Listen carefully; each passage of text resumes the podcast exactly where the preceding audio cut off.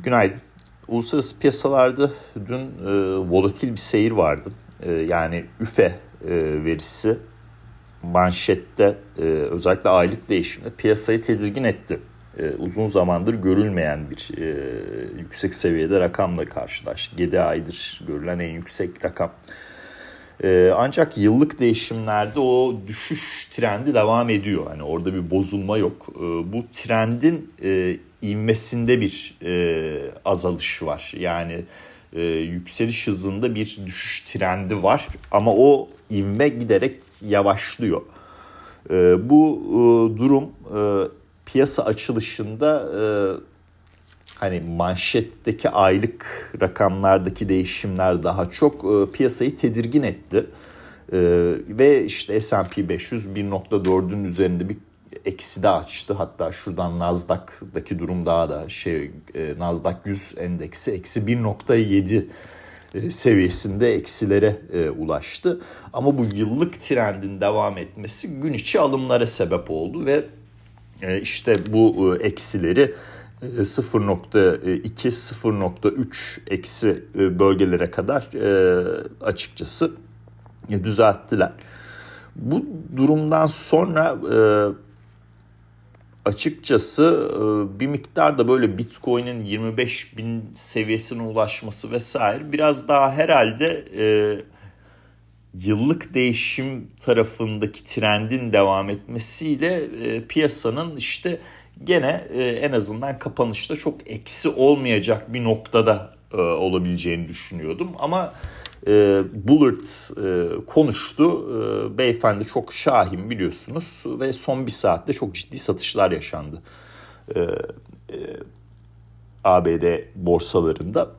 E, günü en düşük noktalardan kapadık. Hem e, S&P 500 hem de Nasdaq 100 endeksi için. Şimdi S&P 500'de 4100 desteğinin altına inmiş olduk. 4090'dan ee, bir kapanış oldu. Bu çok iyi değil e, açıkçası teknik olarak. Ee, burada tabii 4000 seviyesi bir sonraki destek e, noktası olarak karşımıza çıkıyor. Ee, burada yani o noktaya kadar geriler miyiz? Gerileyebiliriz, gerileyemeyiz diyemem. Yani bugün mesela iki tane FED üyesi konuşacak. Bir tanesi oy hakkına sahip.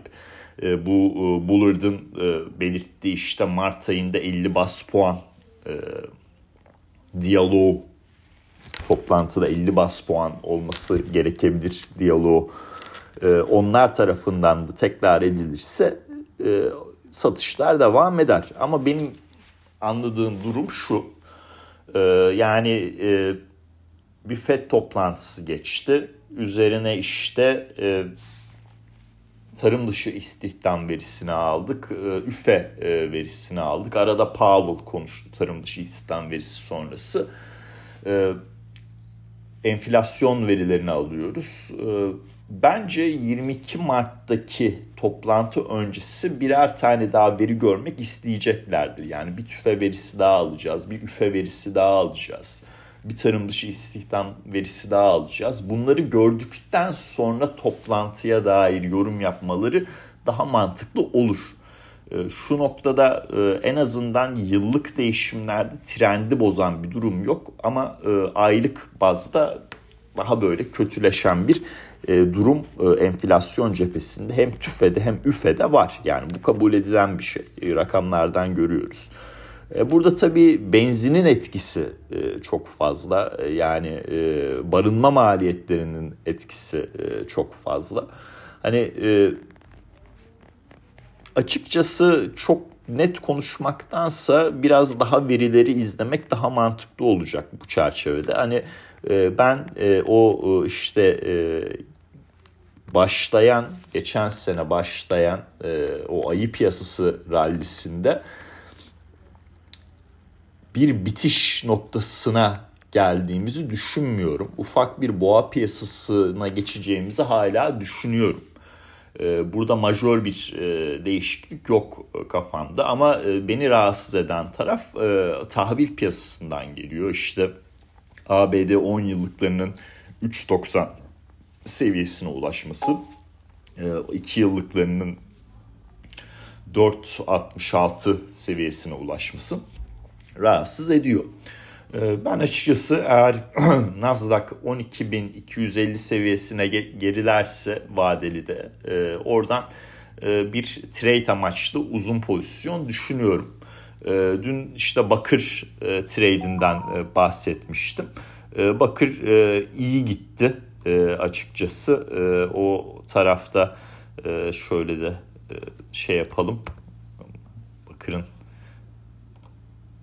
fiyatını en son fiyatını alalım. 410 seviyesinde. Hani ben bunu söylediğimde, trade'i söylediğimde, paylaştığımda 403-404 seviyelerindeydi. Ee, orada short put trade stratejisinden bahsetmiştim. O e, iyi gidiyor. Ee, eğer Nasdaq'ta 12.250'ye gelirse e, oradan e, bence e, bir daha bir alım yapma denenebilir diye düşünüyorum. Ee, yani e, piyasada ayrışmalar çok e, işte e, hisse bazlı ayrışma çok ama genel olarak çok negatif bir yapıyla karşılaşmıyorum. İşte mesela dün Twilio'nun hisse performansı, Roku'nun hisse performansı oldukça iyiydi. Seans sonrası DoorDash'ten bir %5 %6'lık pozitif hareket gördük. Ee, gelecek hafta işte Walmart, Home Depot gibi daha böyle perakendeci şirketler rakamlarını açıklayacaklar. Ee, eğer perakende satışlar bu kadar iyiyse yani perakendecilerin de en azından ilk çeyrekle ilgili biraz daha iyi e, görünüm sunması lazım. E, bakalım onlar e, gelecek mi? O tarafı izleyeceğiz. E, ama e, yani dün iki tane FED üyesi e, ya üfede doğru. Üfe yani çok böyle iyi bir üfe değildi ama yani artışlarda yani enflasyonda artık şöyle bir yapıdayız. İşte aylık değişimlerde, manşet değişimlerinde tüfe tarafında barınma maliyeti domine ediyor. Üfe tarafında benzin fiyatları domine ediyor. Hani dolayısıyla hani diğer kalemlerde böyle çok inanılmaz yani tası tarağı toplayalım birdenbire e, hemen 50 bas puan artış yapalım denilebilecek bir e, durum söz konusu değil.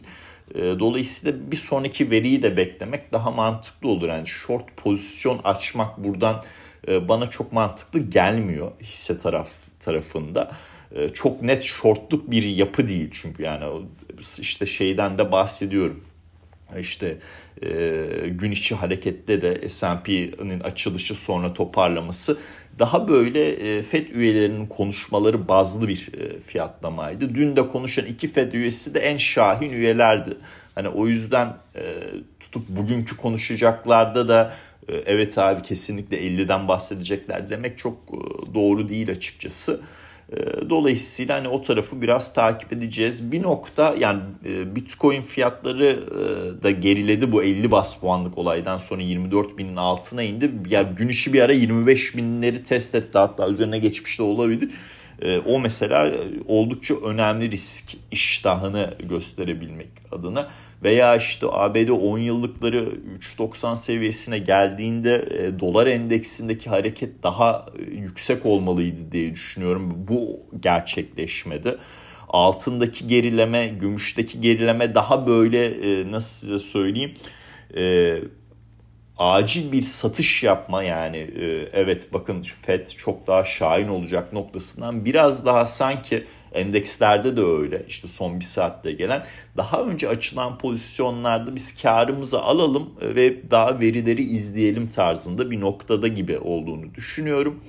E, dolayısıyla e, biraz daha e, o tarafı izleyeceğiz. Bugün veri olarak çok yoğun bir gün değil arkadaşlar. İşte Avrupa tarafından veriler geliyor diye biliyorum. Hani şuradan da kontrol edelim. Şöyle ya işte Avrupa'da mesela e, saat 10'da Almanya'dan üfe verisi gelecek. İngiltere'den perakende satışlar verisi gelecek. E, Amerika tarafında e, daha böyle ihracat fiyatları, ithalat fiyatları vesaire o tarz veriler var. Çok böyle veri yoğun bir gün değil. Yani günün bence dünkü Master ve Bullard konuşmaları sonrası e, tekrardan merkez bankaları konuşmaları öne çıktı. E, tabii normal olarak. Onunla baktığımda Barkin'le Bauman e, konuşacak. E, işte piyasa açılışında konuşacaklar. 4.30-4.45 e, Türkiye saatiyle. E, Master e, gene e, konuşacak. Hatta pardon özür diliyorum 2.15 diye göstermiş e, gece saati olması lazım. E, yani iki tane FED üyesinin konuşması daha çok öne çıkacak. Barkin'le Bowman o tarafı takip edeceğiz. Piyasa açılışında FED ile ilgili olan konuşma haberleri e, bugünün de e, bence genel olarak yapısını belli edecek. E, yani aklıma gelen trade eğer S&P şey Nasdaq 100 e, vadelisi 12.250'ye gerilerse oradan long pozisyon açmak ama orayı da gerilemeye de bilir.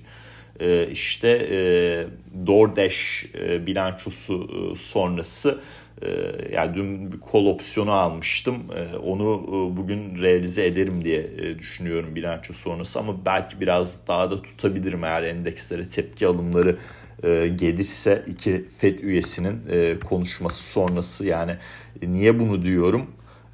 Şu anda Nasdaq vadelisi 12.400'de e, Nasdaq 100 vadesi ama gidip işte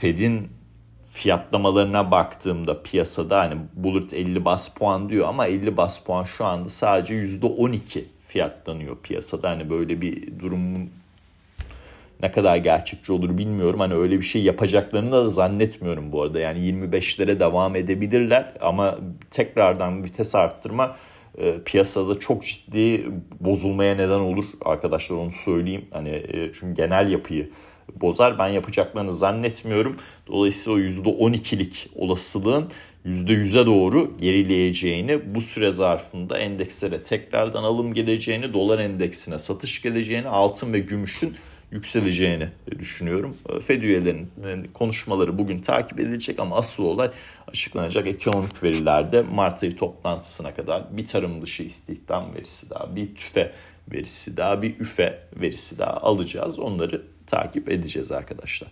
Dinlediğiniz için teşekkürler. Herkese iyi günler diliyorum.